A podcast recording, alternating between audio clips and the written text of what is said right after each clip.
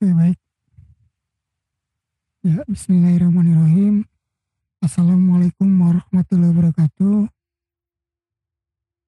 Innal hamdalillah nahmaduhu wa nasta'inuhu wa nastaghfiruhu wa na'udzubillahi min sururi anfusina wa min sayyiati amalina ma yahdihillahu fala mudhillalah wa ma yudil fala hadiyalah. Asyhadu an la ilaha illallah wahdahu la syarikalah wa asyhadu anna Muhammadan abduhu wa rasuluh amma ba'du. Alhamdulillah kita dapat bertemu lagi di podcast kali ini kondisinya di luar sana hujan ya. Nah, di kalau misalkan hujan itu biasanya kan malas ke mana-mana mendingan di rumah saja apalagi sudah malam ya. Namun bedanya kalau di kita itu kan kalau sering hujan apalagi hujannya deras dan setiap hari begitu kan selama lima hari. Itu biasanya kan banjir. Kotor lagi ya banjirnya. Beda halnya dengan di Jepang. Kalau kita perhatikan itu di Jepang banjirnya airnya bening ya bersih. Nah ini menunjukkan bahwa memang ya lingkungan itu sangat berdampak pada ini ya adanya banjir. Kalau misalkan lingkungannya banyak sampah, kotor, ya sudah pasti itu sekalinya banjir airnya keruh ya. Nah kalau misalkan lingkungannya bersih, tidak ada sampah, lalu kemudian sungai-sungainya bersih pun ketika hujan deras, lalu ada air menggenang maka itu ini ya apa apa airnya itu bersih gitu kan sekalinya banjir. Nah ini memang pada dasarnya itu kan air itu bersih ya, air itu bersih.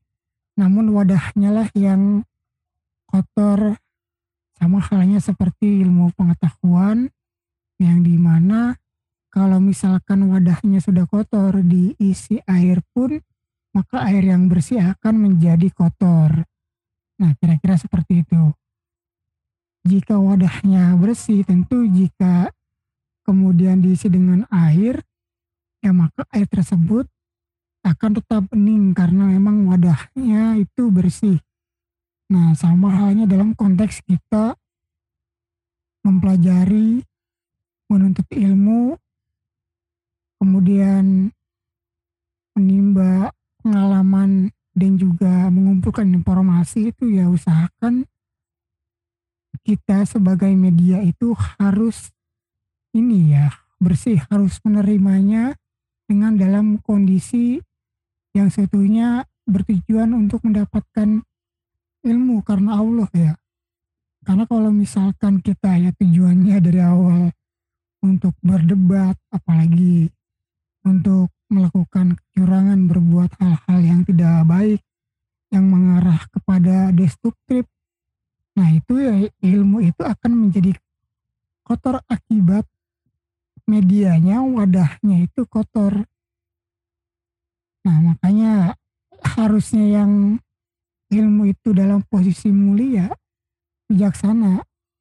Nah, akhirnya ia menjadi bukan suatu hal yang terpuji, malahan menjadi tercela ya, karena memang wadahnya, medianya itu kotor. Nah, maka bersihkanlah kita wadah kita nih, kita sebagai media itu, agar ketika menerima ilmu itu, maka ilmu itu akan menjadi sebuah hikmah kebijaksanaan. Seperti halnya ini ya apa dalam sila keempat itu kan hikmah kebijaksanaan dalam permusyawaratan perwakilan. Nah, kita masih membahas tentang pendidikan ya. Temanya masih pendidikan. Ya karena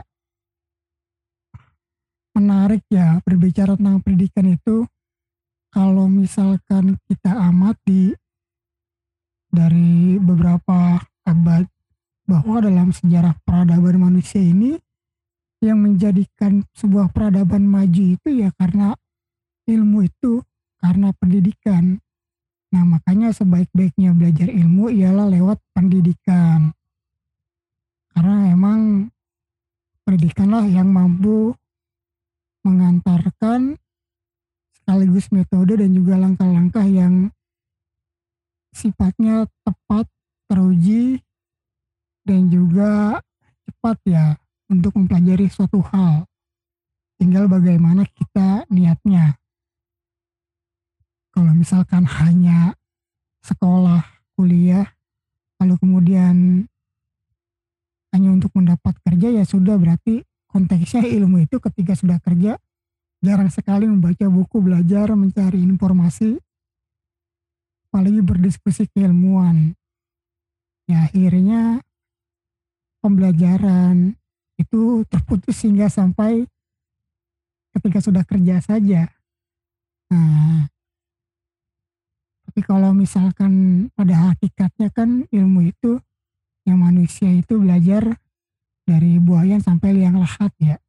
Sehingga kedudukannya ya itu lebih tinggi, tidak hanya sebatas dijadikan alat untuk mendukung profesi saja.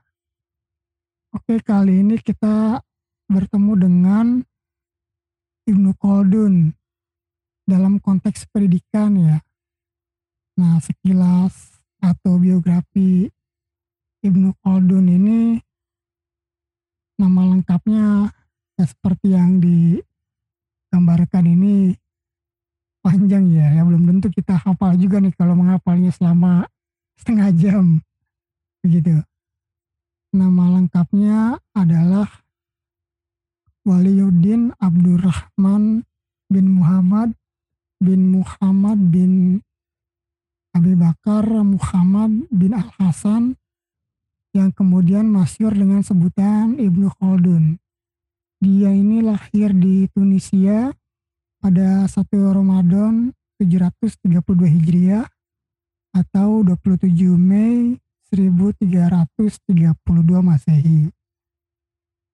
Adapun nama aslinya adalah Abdurrahman, sementara keluarganya bernama ini ya, keluarga Abu Zaid. Dan ia mempunyai gelar Waliuddin. Nah, Ibnu Khaldun ini merupakan tokoh intelektual muslim yang sangat berpengaruh ya di awal abad 15 atau sekitar tahun 1332 sampai dengan 1406 Masehi. Sangat banyak karya beliau, namun dalam konteks yang monumental itu karyanya salah satunya ialah Mukodimah ya, ya judul bukunya. Nah di sini pun ia banyak menulis permasalahan-permasalahan yang konteksnya itu terhadap manusia, kemudian kehidupan dunia maupun kehidupan akhirat serta nilai-nilai keimanan kepada Allah ya. Di sini permasalahan-permasalahannya ia bahas sangat bagus dan juga panjang. Ada seribu lebih halaman ya. Nah, adapun dalam konteks pendidikan ini itu terdapat pada bab 6 ya ia berbicara mengenai ilmu pengetahuan, pendidikan, lalu metode pengajaran yang di mana sangat bagus kita pelajari sebagai wawasan asal intelektual kita. Selain itu tentu konsep-konsepnya kalau saya rasa masih relevan dan bahkan diadopsi oleh para cendekiawan muslim bahkan barat hari ini. Tinggal bagaimana kita menelusurinya, mendalaminya, yang mudah-mudahan paham ya, begitu. Nah, jadi yang pertama, sebelum ia membahas tentang pendidikan, ia membahas tentang hakikat manusia. Nah, jadi pada esensinya manusia itu kan sebagai makhluk berpikir ya. Ataupun yang di mana kita biasanya menyebut sebagai makhluk yang berakal. Nah, al-akli al-tamyizi ataupun akal pemilah yang membaginya serta ada akal eksperimental dan ada akal kritis ataupun spekulatif. Kalau misalkan dalam konteks hari ini kan kita biasanya hanya tahu pada umumnya sifatnya itu akal itu berpikir rasio ya yang dapat diterima kebenarannya oleh akal kita saja. Nah, rasional ataupun ada lagi yang satu lagi empiris gitu kan sesuai dengan apa yang terjadi. Nah, namun memang pada dasarnya sifat manusia sebagai makhluk yang berpikir ini merupakan salah satu hakikat manusia yang di mana kan kadang ya tergantung kita mempergunakan akal kita. Kalau misalkan tidak disibukkan dengan hal-hal yang sifatnya terpuji, ya mungkin bisa jadi disibukkan dengan pemikiran yang tercela.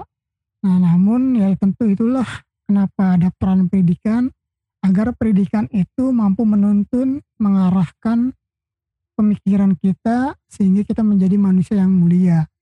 Nah, makanya tingginya peradaban itu ya tidak lepas daripada ia mampu memfungsikan akalnya.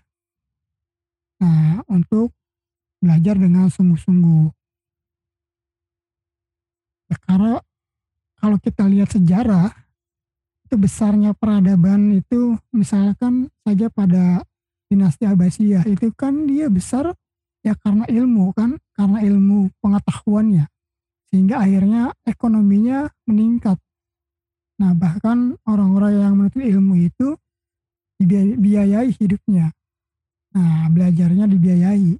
Nah, ini besarnya itu seperti itu. Kemudian ada lagi contoh di dalam peradaban Yunani kuno ya. Itu kan Yunani selain ia menjadi pusat perdagangan dunia waktu itu, dia besarnya kan karena perkembangan filsafat. Nah, filsafat yang di mana banyak tokoh-tokoh filsafat yang lahir sehingga ia menjadi peradaban ilmu pengetahuan yang menjadi rujukan para intelektual hari ini juga. Banyak pengetahuan dan konsep yang dihasilkannya yaitu karena berarti di sini ya memang tidak terlepas daripada kemajuan ilmu, kemajuan peradaban itu. Lalu kemudian di dunia barat itu Eropa gitu kan Eropa Barat ya sama dia maju itu kan ketika uh, masa-masanya Renaissance. Nah Renaissance itu ketika ilmu pengetahuan modern, sains gitu itu muncul berarti memang besarnya peradaban itu ya karena ilmu. Nah tidak hanya sebatas mencari kehidupan itu untuk kesejahteraan saja ya. Nah ini kita dapatkan dari sejarah tiga itu tadi memang pada dasarnya untuk membangun peradaban itu berarti harus membangun ilmu. Lalu yang kedua itu dimensi kepribadian manusia. Ini hakikat manusia itu berkaitan dengan kepribadian manusianya yang bersifatnya jasad, gitu kan, tubuh, lalu jiwa dan ruh begitu. Karena ini tiga ini ada dalam diri manusia. Lalu manusia sebagai khalifah Allah fil ard. Jadi manusia itu ya mempunyai tugas mengelola kehidupan di dunia. Selain itu, ia sebagai makhluk individu dan sosial. Bahwa manusia itu ada saatnya ia sebagai manusia individu dalam hal tertentu dan ada juga yang menjadi manusia yang sosial karena memang tidak terlepas dari kebutuhan dan keperluannya terhadap orang lain. Nah, banyak manfaatnya kan, baik dalam hal segi ekonomi, sosial, politik dan sebagainya itu hari ini tentu melibatkan peran orang banyak kan sehingga kita semua dapat menikmati manfaatnya ya sebagai makhluk sosial itu tadi. Dalam konteks pendidikan pun sama adanya pengaruh dari guru, dosen, ustadz itu kan ya. Saja yang di mana memberikan pengajaran kepada kita. Nah ia berbe lalu setelah membicarakan hakikat manusia, nah ini beliau berbicara mengenai ilmu pengetahuan. Nah jadi pada esensinya Ibnu Khaldun mengatakan bahwa ilmu pengetahuan dan pengajaran merupakan sesuatu yang natural dalam peradaban manusia. Hal ini disebabkan bahwa manusia mempunyai kesamaan dengan semua makhluk hidup dalam sifat kemakhlukannya, seperti perasaannya, bergerak, makan, bertempat tinggal, dan lainnya. Namun manusia berbeda dengan makhluk hidup lainnya karena kemampuan berpikir yang memberikan petunjuk kepadanya. Mendapatkan mata pencarian, bekerja sama dengan antara samanya, berkumpul dalam rangka untuk bekerja sama, menerima dan menjalankan ajaran yang dibawa para nabi dari Allah Subhanahu wa taala serta mengikuti jalan kebaikan yang membawanya menuju alam akhirat. Nah, jadi memang hakikat dari ilmu pengetahuan dan pengajaran itu yaitu agar manusia itu mampu kembali kepada Tuhannya. Nah, jadi sifatnya ilmu pengetahuan pengajaran itu tujuannya untuk mengantarkan kita kepada alam akhirat. Nah, sebaik-baiknya ilmu yang bermanfaat itu seperti ini. Nah, seperti halnya yang telah dijelaskan kemarin juga mungkin ada kaitannya dengan pandangan Al-Ghazali kan? Bahwa ada yang sifatnya ilmu terpuji begitu kan? Yang di mana itu mendekatkan kita kepada Allah. Nah mungkin barangkali banyak sekali ilmu pengetahuan hari ini. Ya Nah, namun tinggal bagaimana kita mampu secara bijaksana mempelajarinya dan menggunakannya. Ya, lalu mengenai definisi pendidikan, ini dalam kitab Mukodimah itu Ibnu Khaldun tidak memberikan definisi secara jelas ataupun secara rigid ya. Nah, ia hanya memberikan gambaran-gambaran secara umum. Dikatakan Ibnu Khaldun bahwa barang siapa tidak terdidik oleh orang tuanya, maka akan terdidik oleh zaman. Nah, maksudnya barang siapa tidak memperoleh tata krama yang dibutuhkan hubungan pergaulan bersama melalui orang tua mereka yang mencakup guru-guru dan sesepuh. Ya banyak ya maksudnya pengajar lanjut dan tidak mempelajari hal itu dari mereka, maka ia akan mempelajarinya dengan bantuan alam. Dari peristiwa-peristiwa yang terjadi sepanjang zaman, zaman akan mengajarkannya. Nah, jadi kalau misalkan ada yang tidak terdidik oleh orang tuanya. Dalam hal ini kan orang tua di sini tidak hanya orang tua kandung ya, tapi bisa ada peran guru, kemudian para ulama, dosen, teman kita, bahkan bisa jadi serta orang-orang yang mampu mengajarkan dirinya, maka ia akan terdidik oleh zaman. Jadi justru zamanlah yang akan mengajarkannya. Nah ini akhirnya dia secara natural ya belajar sendiri otodidak karena memang kebutuhan ya. Ya kalau misalkan sudah terdesak dengan kebutuhan zaman yang awalnya tidak bisa mengoperasionalkan handphone, ya mau nggak mau akhirnya mempelajarinya kan teknologi. Nah, sehingga ia menjadi user ya, user teknologi. Tapi sebaik-baiknya user ialah user yang cerdas, smart user kan, mampu memanfaatkan dan juga menggunakannya dengan baik, bijak serta ya menghasilkan sesuatu yang bermanfaat bagi dirinya dan orang lain. Nah ini kadang kalau misalkan tidak didesak oleh kemajuan zaman ataupun mungkin tuntutan profesi lebih ke arah situ ya kalau hari ini jadi ketika orang dituntut karena profesi ya mau tidak mau dia belajar lagi kan karena yang merasa ini mungkin jika tidak dilaksanakan akan merugikan dirinya khususnya dalam hal segi ekonomi ya kan makanya ada istilah ya pendidik yang konvensional, tradisional gitu. Dengan pendidik di zaman sekarang ya, ataupun modern. Nah mau nggak mau harus belajar lagi. Nah itulah kenapa kita harus selalu terus menambah wawasan, menambah ilmu. Karena ya sifatnya ya zaman ini, tahun ini selalu maju berkembang ya. Dan ada nilai-nilai yang lebih yang dihasilkan dari setiap zaman Misalkan saja ya kita mengenal ada revolusi industri satu, dua, tiga hingga empat. Nah, kalau di kita nih Indonesia nih revolusinya udah sampai ke berapa nih industrinya. Nah ini mau tidak mau akhirnya masyarakat di dunia mengikutinya sehingga mengharuskan adanya keterampilan yang ia kuasai kan seperti itu.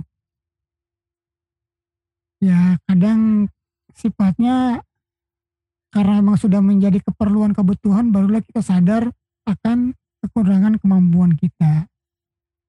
Akhirnya kita lah yang mengikuti zaman, tapi seharusnya nih yang lebih mantap itu kan kita lah yang menentukan zaman.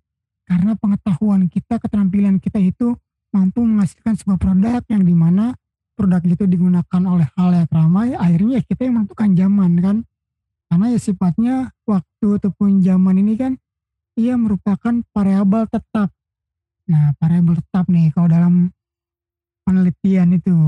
Nah, kita manusia nih sebagai variabel bebasnya. Seharusnya kita sebagai variabel bebas yang menentukan variabel tetapnya. Kan seperti itu. Mau seperti apa nih? Ya konteksnya dalam hal inilah tidak usah jauh-jauh. Misalkan lingkungan terdekat saja, lingkungan pertemanan, apalagi kalau misalkan kita bisa dalam tataran nasional apalagi global ya banyaklah cara-caranya tinggal bagaimana kita bisa mengeksplornya seperti itu lalu lanjut ke tujuan pendidikan. Nah secara eksplisit memang tidak dituliskan begitu. Oh ada tulisan tujuan pendidikan ini apa? Namun saya mengutip ini nih eh, dari buku Muhammad Qasim yang ia itu merumuskan tujuan pendidikan Islam menurut Ibnu Khaldun itu ada tiga sudut pandang.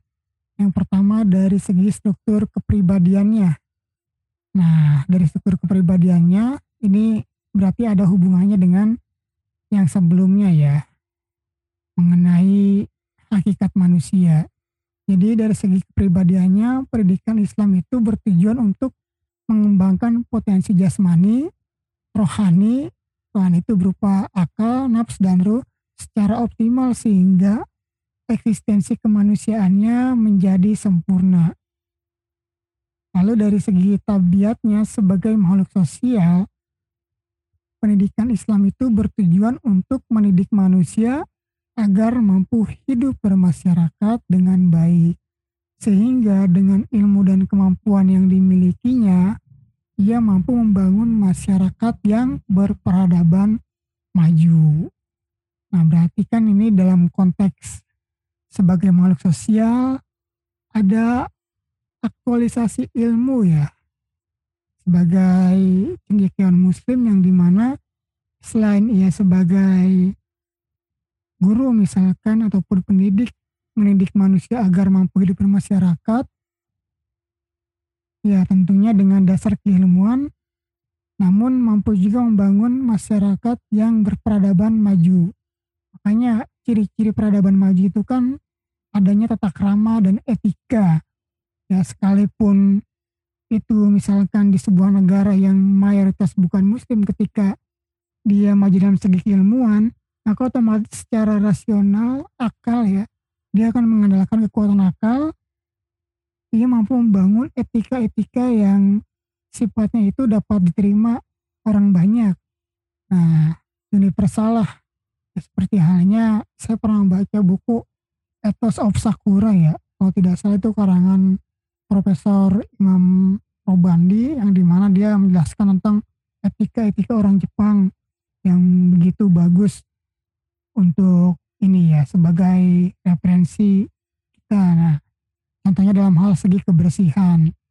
Nah, ini berarti menunjukkan bahwa ya dalam hal segi ada tata krama itu ya ada di dalam kehidupan masyarakatnya. Kalau di kita itu kan uh, sifat-sifat gotong royong, lalu kemudian uh, sopan santun, ramah tamah gitu. Itu menjadi kebiasaan dari masyarakat Indonesia. Tinggal bagaimana kebiasaan yang sudah baik ini jangan sampai terkikis oleh ini ya perspektif dan juga mindset masyarakat um, global gitu karena memang hari ini kan kita kadang ini ya terlalu bebas uh, membuat menerima mindset yang di mana dengan dalih ya kebebasan berpikir ataupun berpendapat uh, bahkan sikap ya dan juga perilaku serta nilai-nilai yang dilakukan itu serba-serba yang sifatnya ingin bebas kan padahal ya hakikat kebebasan itu bukan seperti itu. Nah, gitu. Itu namanya tidak mau diatur padahal itu bukan kebebasan ya, tidak mau diatur, tidak mau diatur sesuai dengan standar etika. Nah, ini kadang nih yang repot nih. Oke, lalu yang ketiga adalah dari segi fungsi dan perannya sebagai hamba Allah dan khalifahnya di, bu, di muka bumi pendidikan Islam bertujuan untuk mendidik manusia agar mampu melaksanakan aktivitas yang bernilai ibadah sekaligus mampu mengemban amanah sebagai khalifah fil ard dalam memelihara jagat raya ini. Nah, jadi sebagai hamba Allah dan juga kita sebagai perwakilan di bumi ini itu harus mampu melaksanakan aktivitas yang memiliki nilai ibadah sekaligus uh, mengemban amanah itu mengelola dunia ini. Nah ini kan karena manusia nih yang mampu dan mau menerima amanah untuk mengelola dunia ini. Nah kadang gini ya kalau misalkan ada bencana ataupun ada apa ya ada yang beberapa mungkin mempunyai pandangan ataupun bahasa sadirnya alam sedang tidak bersahabat dengan kita. Uh, padahal mungkin bukan alam yang sedang tidak bersahabat dengan kita, tapi kitalah yang kurang bersahabat dengan alam. Nah ini kan dapat dilihat bagaimana cara kita mengelola alam Indonesia ini. Apakah bisa memperhitungkan ini ya kebermanfaatan lalu kemudian keberlanjutan serta keamanan dan juga tidak merusak sifatnya. Nah, apakah bebas bebas saja? Yang penting ada hasil, ada keuntungan. Nah, itu yang repot. Nah, seperti halnya ada sekarang itu kan ada gempa, kemarin-kemarin itu ada banjir. Kemudian Gunung Merapi juga mengeluarkan ini ya, lava panas. Nah, ini seharusnya kita mengoreksi ke dalam diri kita. Ya kalau misalkan kata Buya Hamka itu kan sakitnya bangsa bukan di luar, tapi terhujam di dalam jiwa. Nah, bagaimana kita mengolahnya? Apakah sudah bagus, sudah pantas, sudah tepat atau belum? Kan seperti itu. Sehingga apa-apa yang dibangun hari ini dan pengelolaannya itu tidak merusak lingkungan. Nah, saya kira seperti itu. Sehingga ya tidak adanya uh, terjadi perubahan lingkungan ya karena akibat kerusakan itu tadi. Karena segala sesuatu itu tentu ada ini ya, ada akibatnya. Kan seperti itu. Oke, kita lanjut. Mengenai kurikulum pendidikan. Jadi mengenai kurikulum pendidikan ini, kalau misalkan kita merujuk pada Ibnu Khaldun, ia membaginya menjadi tiga kelompok. Yang pertama itu akli ya. Akli itu adalah ilmu-ilmu hikmah dan filsafat ya. Akli itu kan bergantungan kepada akal begitu kan. Nah ilmu ini dapat dipelajari manusia lewat akal dan pemikirannya secara natural. Manusia dapat mempelajari berbagai tema, permasalahan dan pembuktiannya dan cara pengajarannya. Secara garis besar, ilmu-ilmu akliyah ini dikelompokkan lagi oleh Ibnu Khaldun ke dalam empat macam. Nah, di antaranya itu ada ilmu logika, ataupun ilmu mantik, lalu ilmu alam, atau disebut juga ilmu fisika, lalu ada ilmu metafisika dan ilmu matematika atau bilangan ya. Nah ilmu ini ilmu bilangan ini terdiri dari geometri, aritmatika, kemudian musika, astronomi dan juga teknik. Dari berbagai macam ini ya, ilmu akli ini, ini juga dijelaskan secara rigid oleh Ibnu Khaldun di dalam bukunya ya saya minum dulu nih, haus.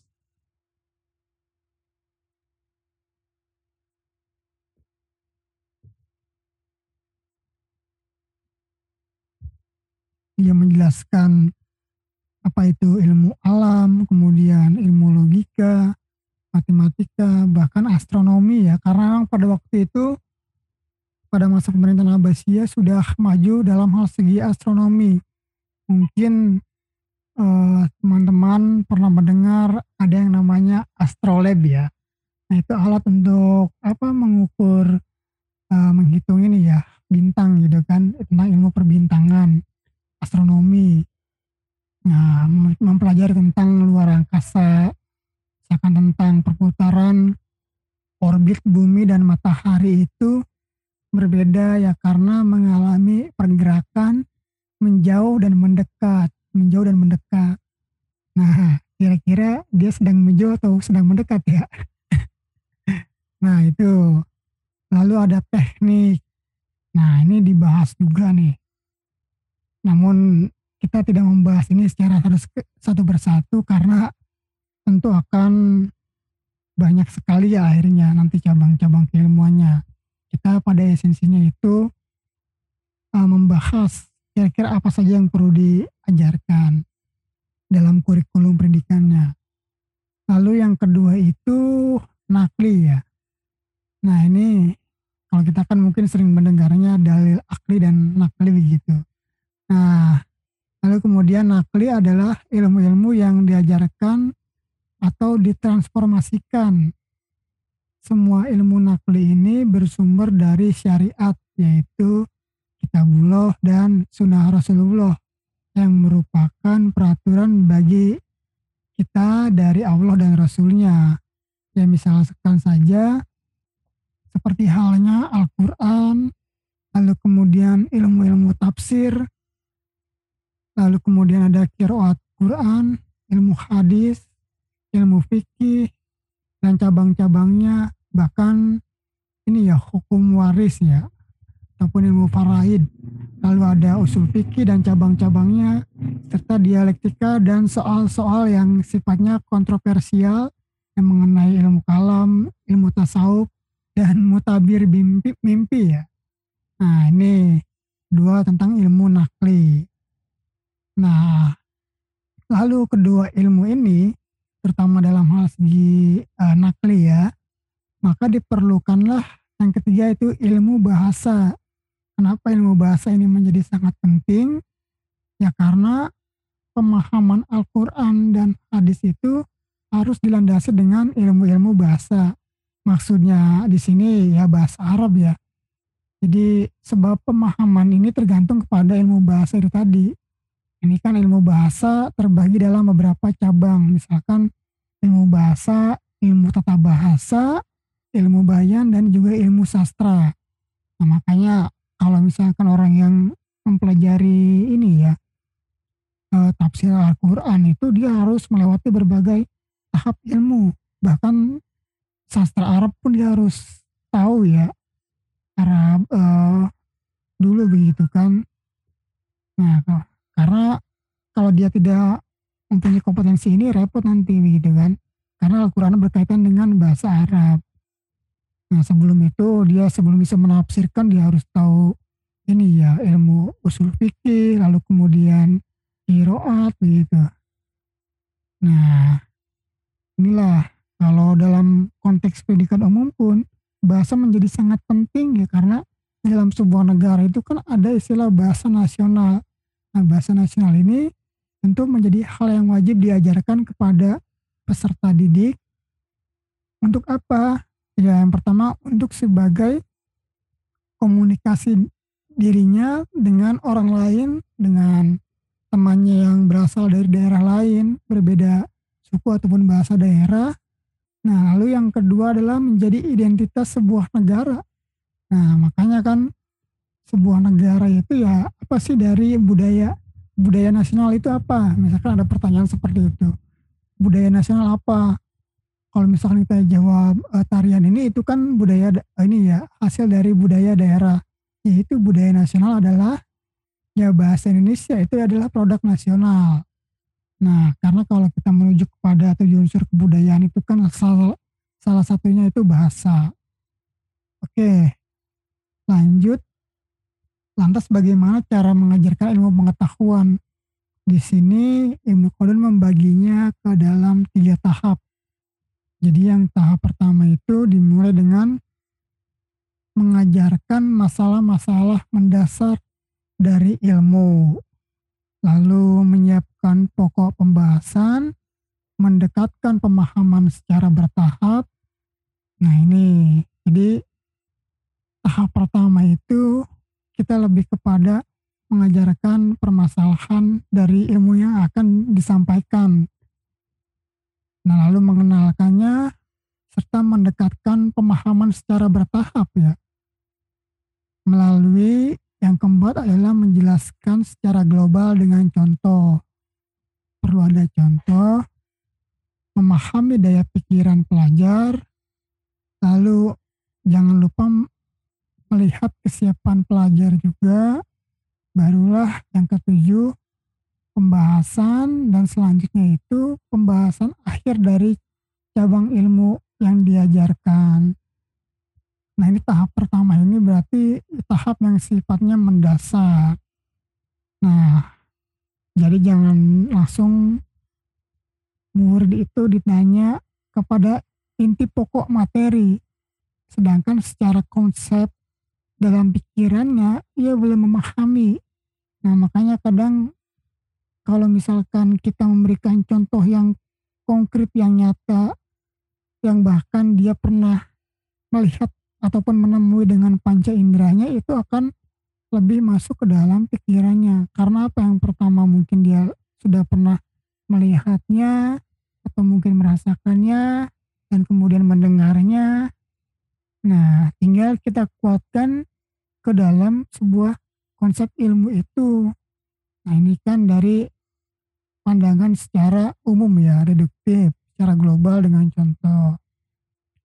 Ya tujuannya apa tahap pertama ini? Agar siswa ini, agar murid ini mendapat insting dalam bidang ilmu tersebut dan mempersiapkannya untuk dapat memahami cabang ilmu yang dipelajari dan memetakan masalah-masalah yang dibahasnya. Nah ini kalau misalkan dasar ilmu sudah diajarkan, barulah ia masuk ke tahap kedua. Tahap kedua pun sama tidak langsung ke pokok ilmu ya.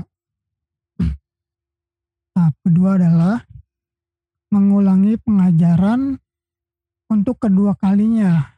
Dengan memberikan pengajaran itu kita naikkan tingkat kesulitannya. dengan memberikan pengajaran yang lebih tinggi dari yang pertama. Nah, ini memberikan beberapa penjelasan, mulai ada penjelasan-penjelasan dan keterangan yang lebih banyak mengenai ilmu yang disampaikan. Nah, barulah konsep di yang kedua itu kita masukkan secara bertahap, satu persatu. Lalu menguraikan poin-poin yang masih global. Nah, benar ya.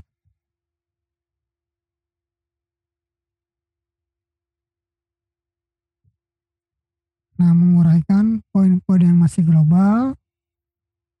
Dan yang keempat itu mengemukakan perbedaan-perbedaan pendapat yang ada dan disertai dengan pokok-pokok dasar perbedaannya. Sehingga keseluruhan cabang ilmu tersebut telah diuraikan, dijelaskan. Nah, ini tahap kedua ini berarti sudah masuk ke dalam tahap-tahap penjelasan secara uh, per poin ya, satu persatu dimasukkan mengenai inti dari ilmu. Nah, sehingga tujuannya adalah mengasah naluri pelajar menjadi semakin baik. Artinya ia mampu memiliki pandangan terhadap ilmu yang ia terima ketika ia sudah mendapatkan permasalahan lalu dimasukkanlah konsep secara bertahap nah seakan-akan ini dia kalau kalau dia mencari jalan itu dia mulai menemukan jalan satu persatu untuk menuju ke tujuannya. Ya kalau kita mau ini ya ke suatu daerah ya tentu yang pertama kita cari adalah jalan mana dulu yang harus kita lewati. Nah kira-kira gambarannya seperti itu. Tidak bisa kita langsung sampai ke tujuan karena kita tidak tahu jalan mana saja yang harus dilewati kan seperti itu. Lalu tahap ketiga ialah ulangi pengajaran untuk ketiga kalinya. Ini diulangi lagi dengan apa? Dengan lebih tegas sehingga tidak ada kesulitan dan ketidakjelasan yang dibiarkan. Semua hal yang tertutup itu kita buka, kita jelaskan dan diberikan juga dibuka juga kuncinya apa jadi uh, semua hal yang sifatnya masih menjadi permasalahan dalam ilmu itu kita jelaskan. Nah agar apa? Agar tujuannya ialah pelajar tersebut akan merasa senang dengan cabang ilmu yang dipelajarinya. Hal ini akan membantunya menguasai dan mengasah nalurinya. Kadang seorang seseorang itu kan menempuhnya kurang uh, dari ini ya, dari waktu yang telah ditentukan cepat ketika nalarnya itu ia sudah mulai terasa dan juga cepat menangkapnya. Nah, dalam hal pengajaran ini akhirnya dapat ditentukan berdasarkan kemampuan dan kemudahan pemahaman siswa tersebut, murid tersebut ya.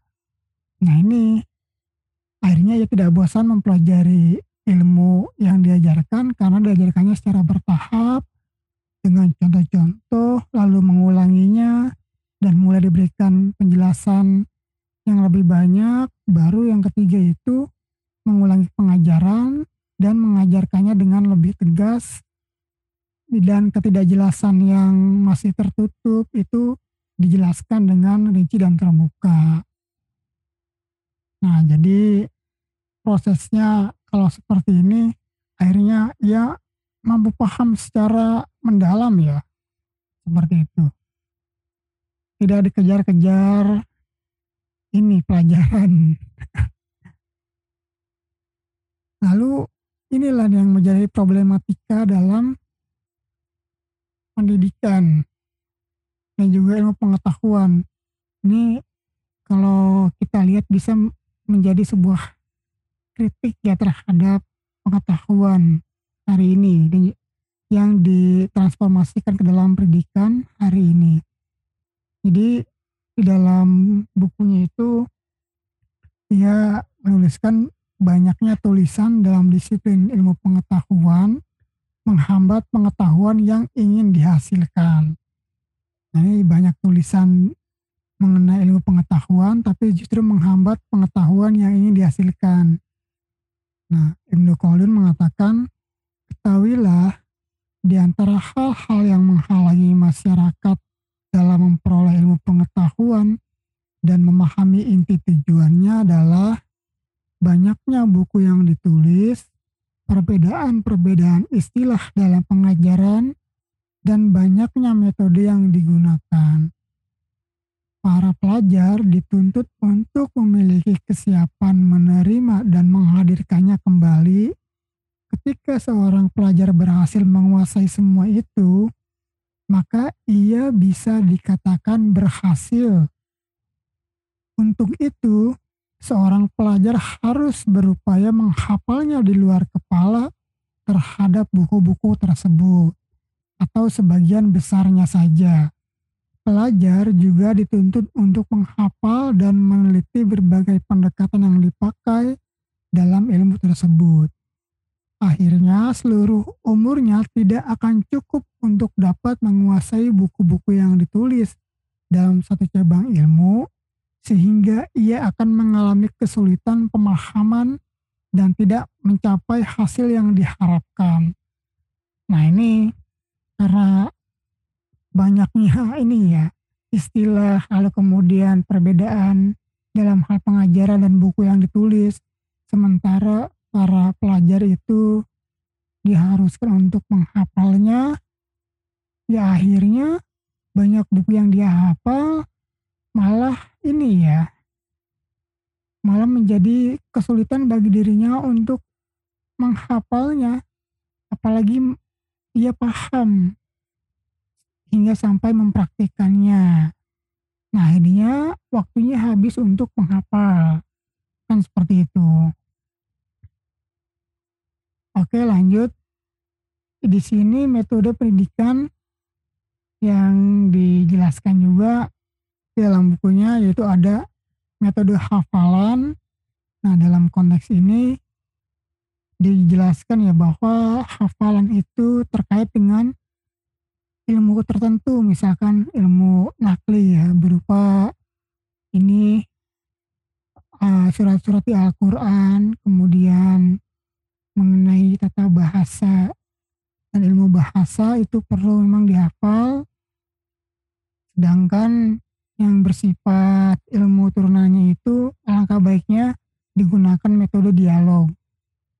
Nah, sele, karena apa? Karena pada waktu itu ia menjelaskannya dan juga membandingkannya ya fakta di daerah Maghribi sana zaman dahulu ya ia membandingkan masyarakat di Maghrib di Maghribi itu menempuh pendidikannya selama 16 tahun. Nah, barulah ia dikatakan sebagai orang yang paham karena sudah hafal, karena banyak menghafal. Begitu selama 16 tahun baru selesai. Sehingga banyak para pelajar, para murid itu yang bahkan eh, ada yang stres dan juga frustasi karena ia tidak mampu berhasil. Nah, sedangkan di Tunisia itu hanya perlu lima tahun untuk pendidikannya, untuk belajarnya, dan ia mampu menguasai ini ya, yang ilmu dalam hal membaca Quran, tata bahasa, sastra Arab juga, dan beberapa ilmu yang lain yang sifatnya itu menjadi modal bagi pribadinya ya, dengan menggunakan ya itu tadi metode dialog, adanya dialog. Nah, karena dengan adanya dialog ini tentu ya bisa bertukar hafalan kan, dia tahu yang ini kita tidak tahu ketika kita mendengar dan sering mendengarnya maka akan semakin mudah hafal karena banyak orang yang justru mengulanginya kan seperti itu. Dan juga kepasihannya dalam menemukan kebenaran itu melalui dialog sehingga ia mampu menerima secara objektif ya tentang apa-apa yang dicari kebenarannya. Apalagi dalam hal segi ini ya uh, akal begitu kan yang dapat diterima oleh akal dan juga kenyataannya. Serta ilmu-ilmu hitung itu kan perlu dibuktikan dan juga perlu adanya dialog nah sehingga sifatnya ya kebenaran universal dapat diterima oleh beberapa kelompok orang dan juga orang banyak kan seperti itu. Nah lalu ia pun ini yang menggambarkan bagaimana masyarakat di Maghrib itu tidak banyak dialog ya akhirnya dalam hal segi dialog kemudian berdebat dan segala macamnya ketika ia tahu bahwasanya dalam hal penjelasan materi itu dia ini ya uh, lebih inilah lebih bawah kompetensinya dibandingkan orang-orang di Tunisia sana maka ia akhirnya baru menyadari kekurangannya seperti itu lalu yang kemudian metode pendidikannya ialah melakukan perjalanan ataupun rihlah ya. Nah, di sini pun dia menjelaskan bagaimana pengalamannya itu bertemu dengan uh, ulama-ulama, guru-guru besar dan para cendekiawan muslim lainnya yang di mana ia berguru. Nah, dengan melakukan perjalanan menuntut ilmu ini, sehingga ia mampu bertemu dengan orang yang benar-benar ahli dalam bidangnya. Nah, Kadang kan kalau misalkan kita hanya membaca karyanya saja, kitabnya saja, itu secara kepribadian, secara kesadaran emosional dan juga nilai itu kurang meresapi ataupun mungkin pengetahuannya tidak dalam ya. Namun dengan melakukan perjalanan bertemu dan belajar langsung itu justru semakin memperdalam keilmuannya. Nah ini pun semakin cepat ia menguasai ilmu tersebut. Nah ini Lalu ada metode keteladanan ini yang harus diterapkan oleh pendidik keteladanan dan selanjutnya metode pengulangan ya seperti halnya yang tadi ya metode pengajaran adanya pengulangan secara bertahap mengguna agar murid tersebut memahami ya ilmu tersebut tidak hanya ia bisa membaca saja. Nah ini karena banyak yang dikritik ya mengenai pendidikan waktu itu. Oke, lalu ada prinsip-prinsip dasar metode pengajaran.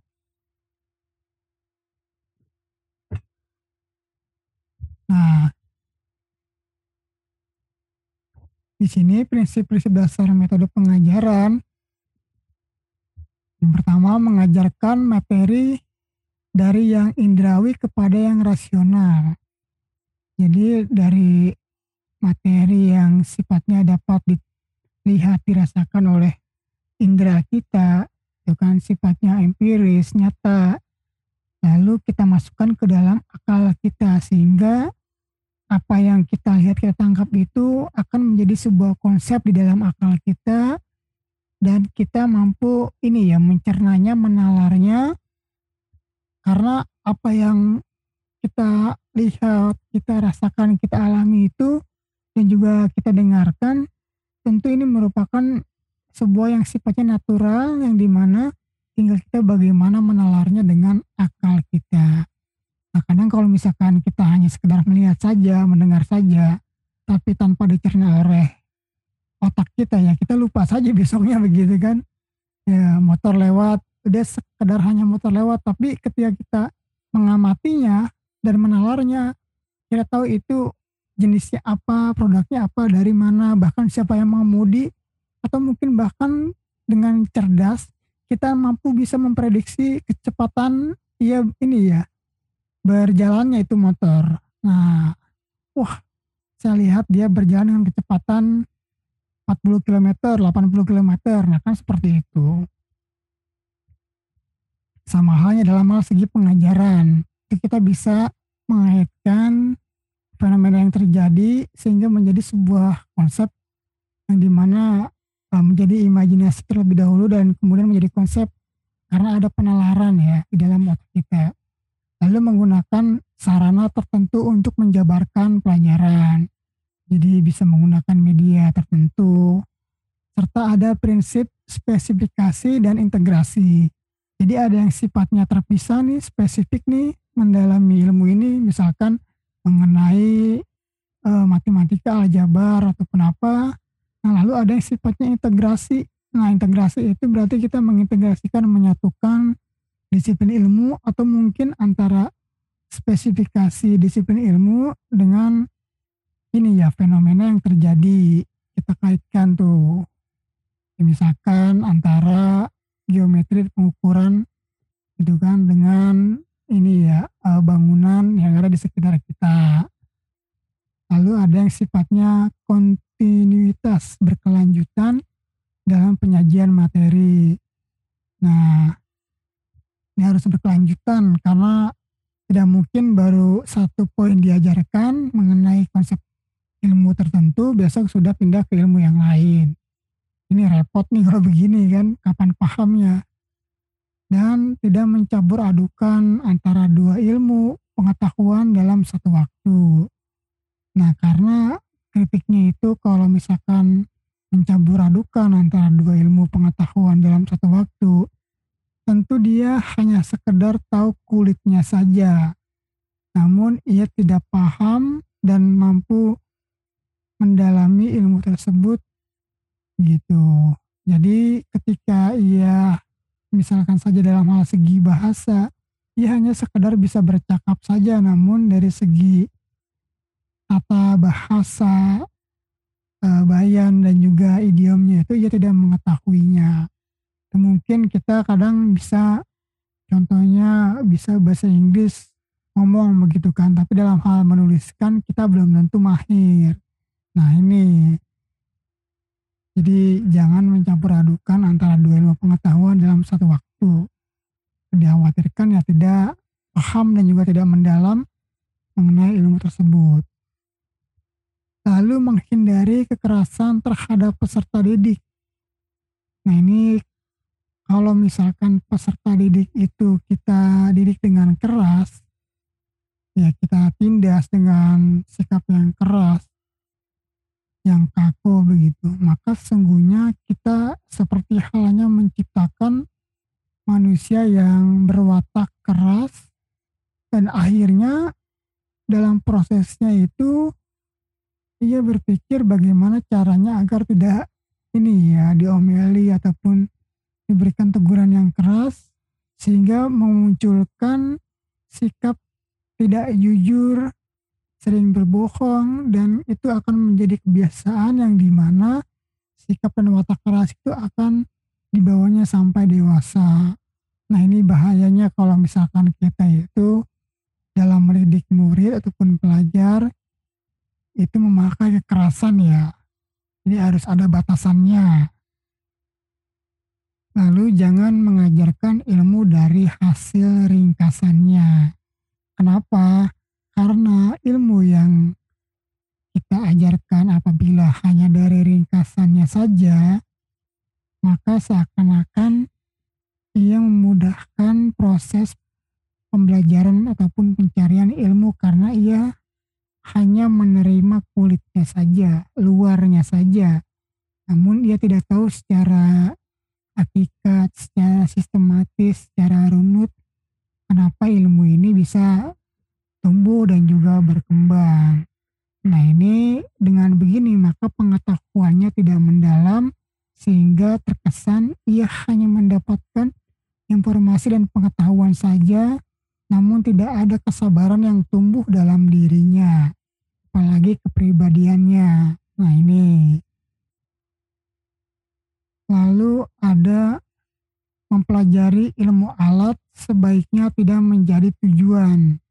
Nah maksudnya kan ilmu alat itu ya misalkan ini ya dalam ilmu penafsiran bahasa ataupun dalam ilmu menentukan muamalah di dunia lalu kemudian misalkan ilmu tafsir apa itu jangan dijadikan sebagai tujuan tapi itu hanyalah alat yang di mana tujuan kita itu kan kembali kepada uh, manusia itu mampu hidup dalam ini ya jalur yang benar kan jalur yang terpuji nah karena ketika ia menjadi tujuan maka ini akhirnya ia lupa tujuan yang sebenarnya dan fokus kepada hanya ilmu itu saja. Nah, ini dalam hal segi pengetahuan umum itu kan misalkan ya kita ilmu politik begitu. Nah, ini politik ini kan sebagai ilmu alat nah untuk mencapai tujuan, tapi bukan berarti ia dijadikan tujuan gitu kan ya. Tujuannya ialah ya untuk memegang kekuasaan politik sedangkan kalau kita tarik lagi, kekuasaan itu kan sebagai alat juga, nah alat untuk ini ya, menjalankan dan mengelola kehidupan tatanan dunia yang baik dan benar.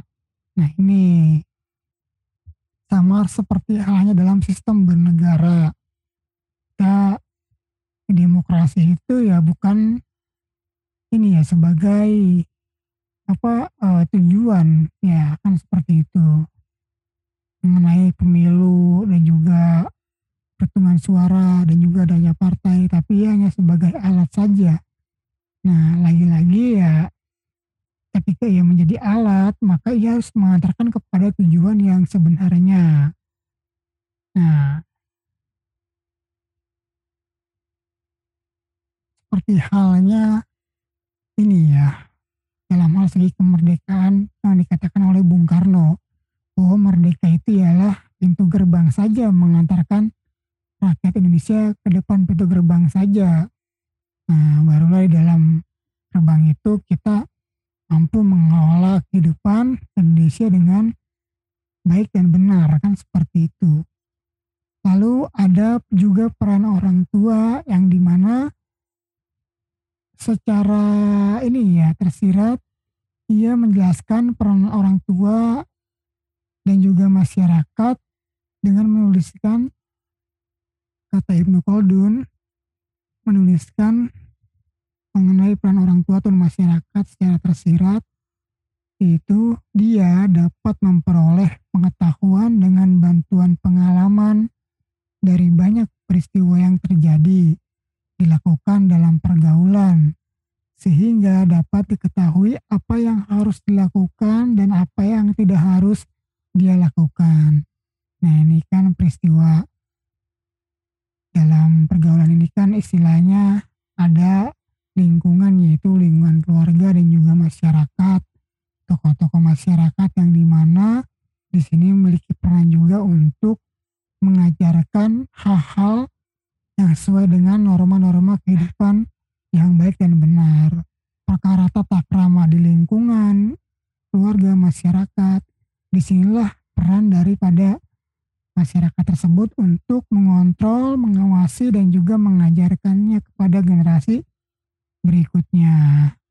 Oke, mungkin cukup sekian untuk pembahasan kali ini. Jadi tidak banyak yang saya bahas ya, namun Semoga dapat bermanfaat dan juga mampu menjadi kasaran intelektual serta ini ya pendalaman kita terhadap ilmu agar dapat diaktualisasikan ke dalam kehidupan sehari-hari.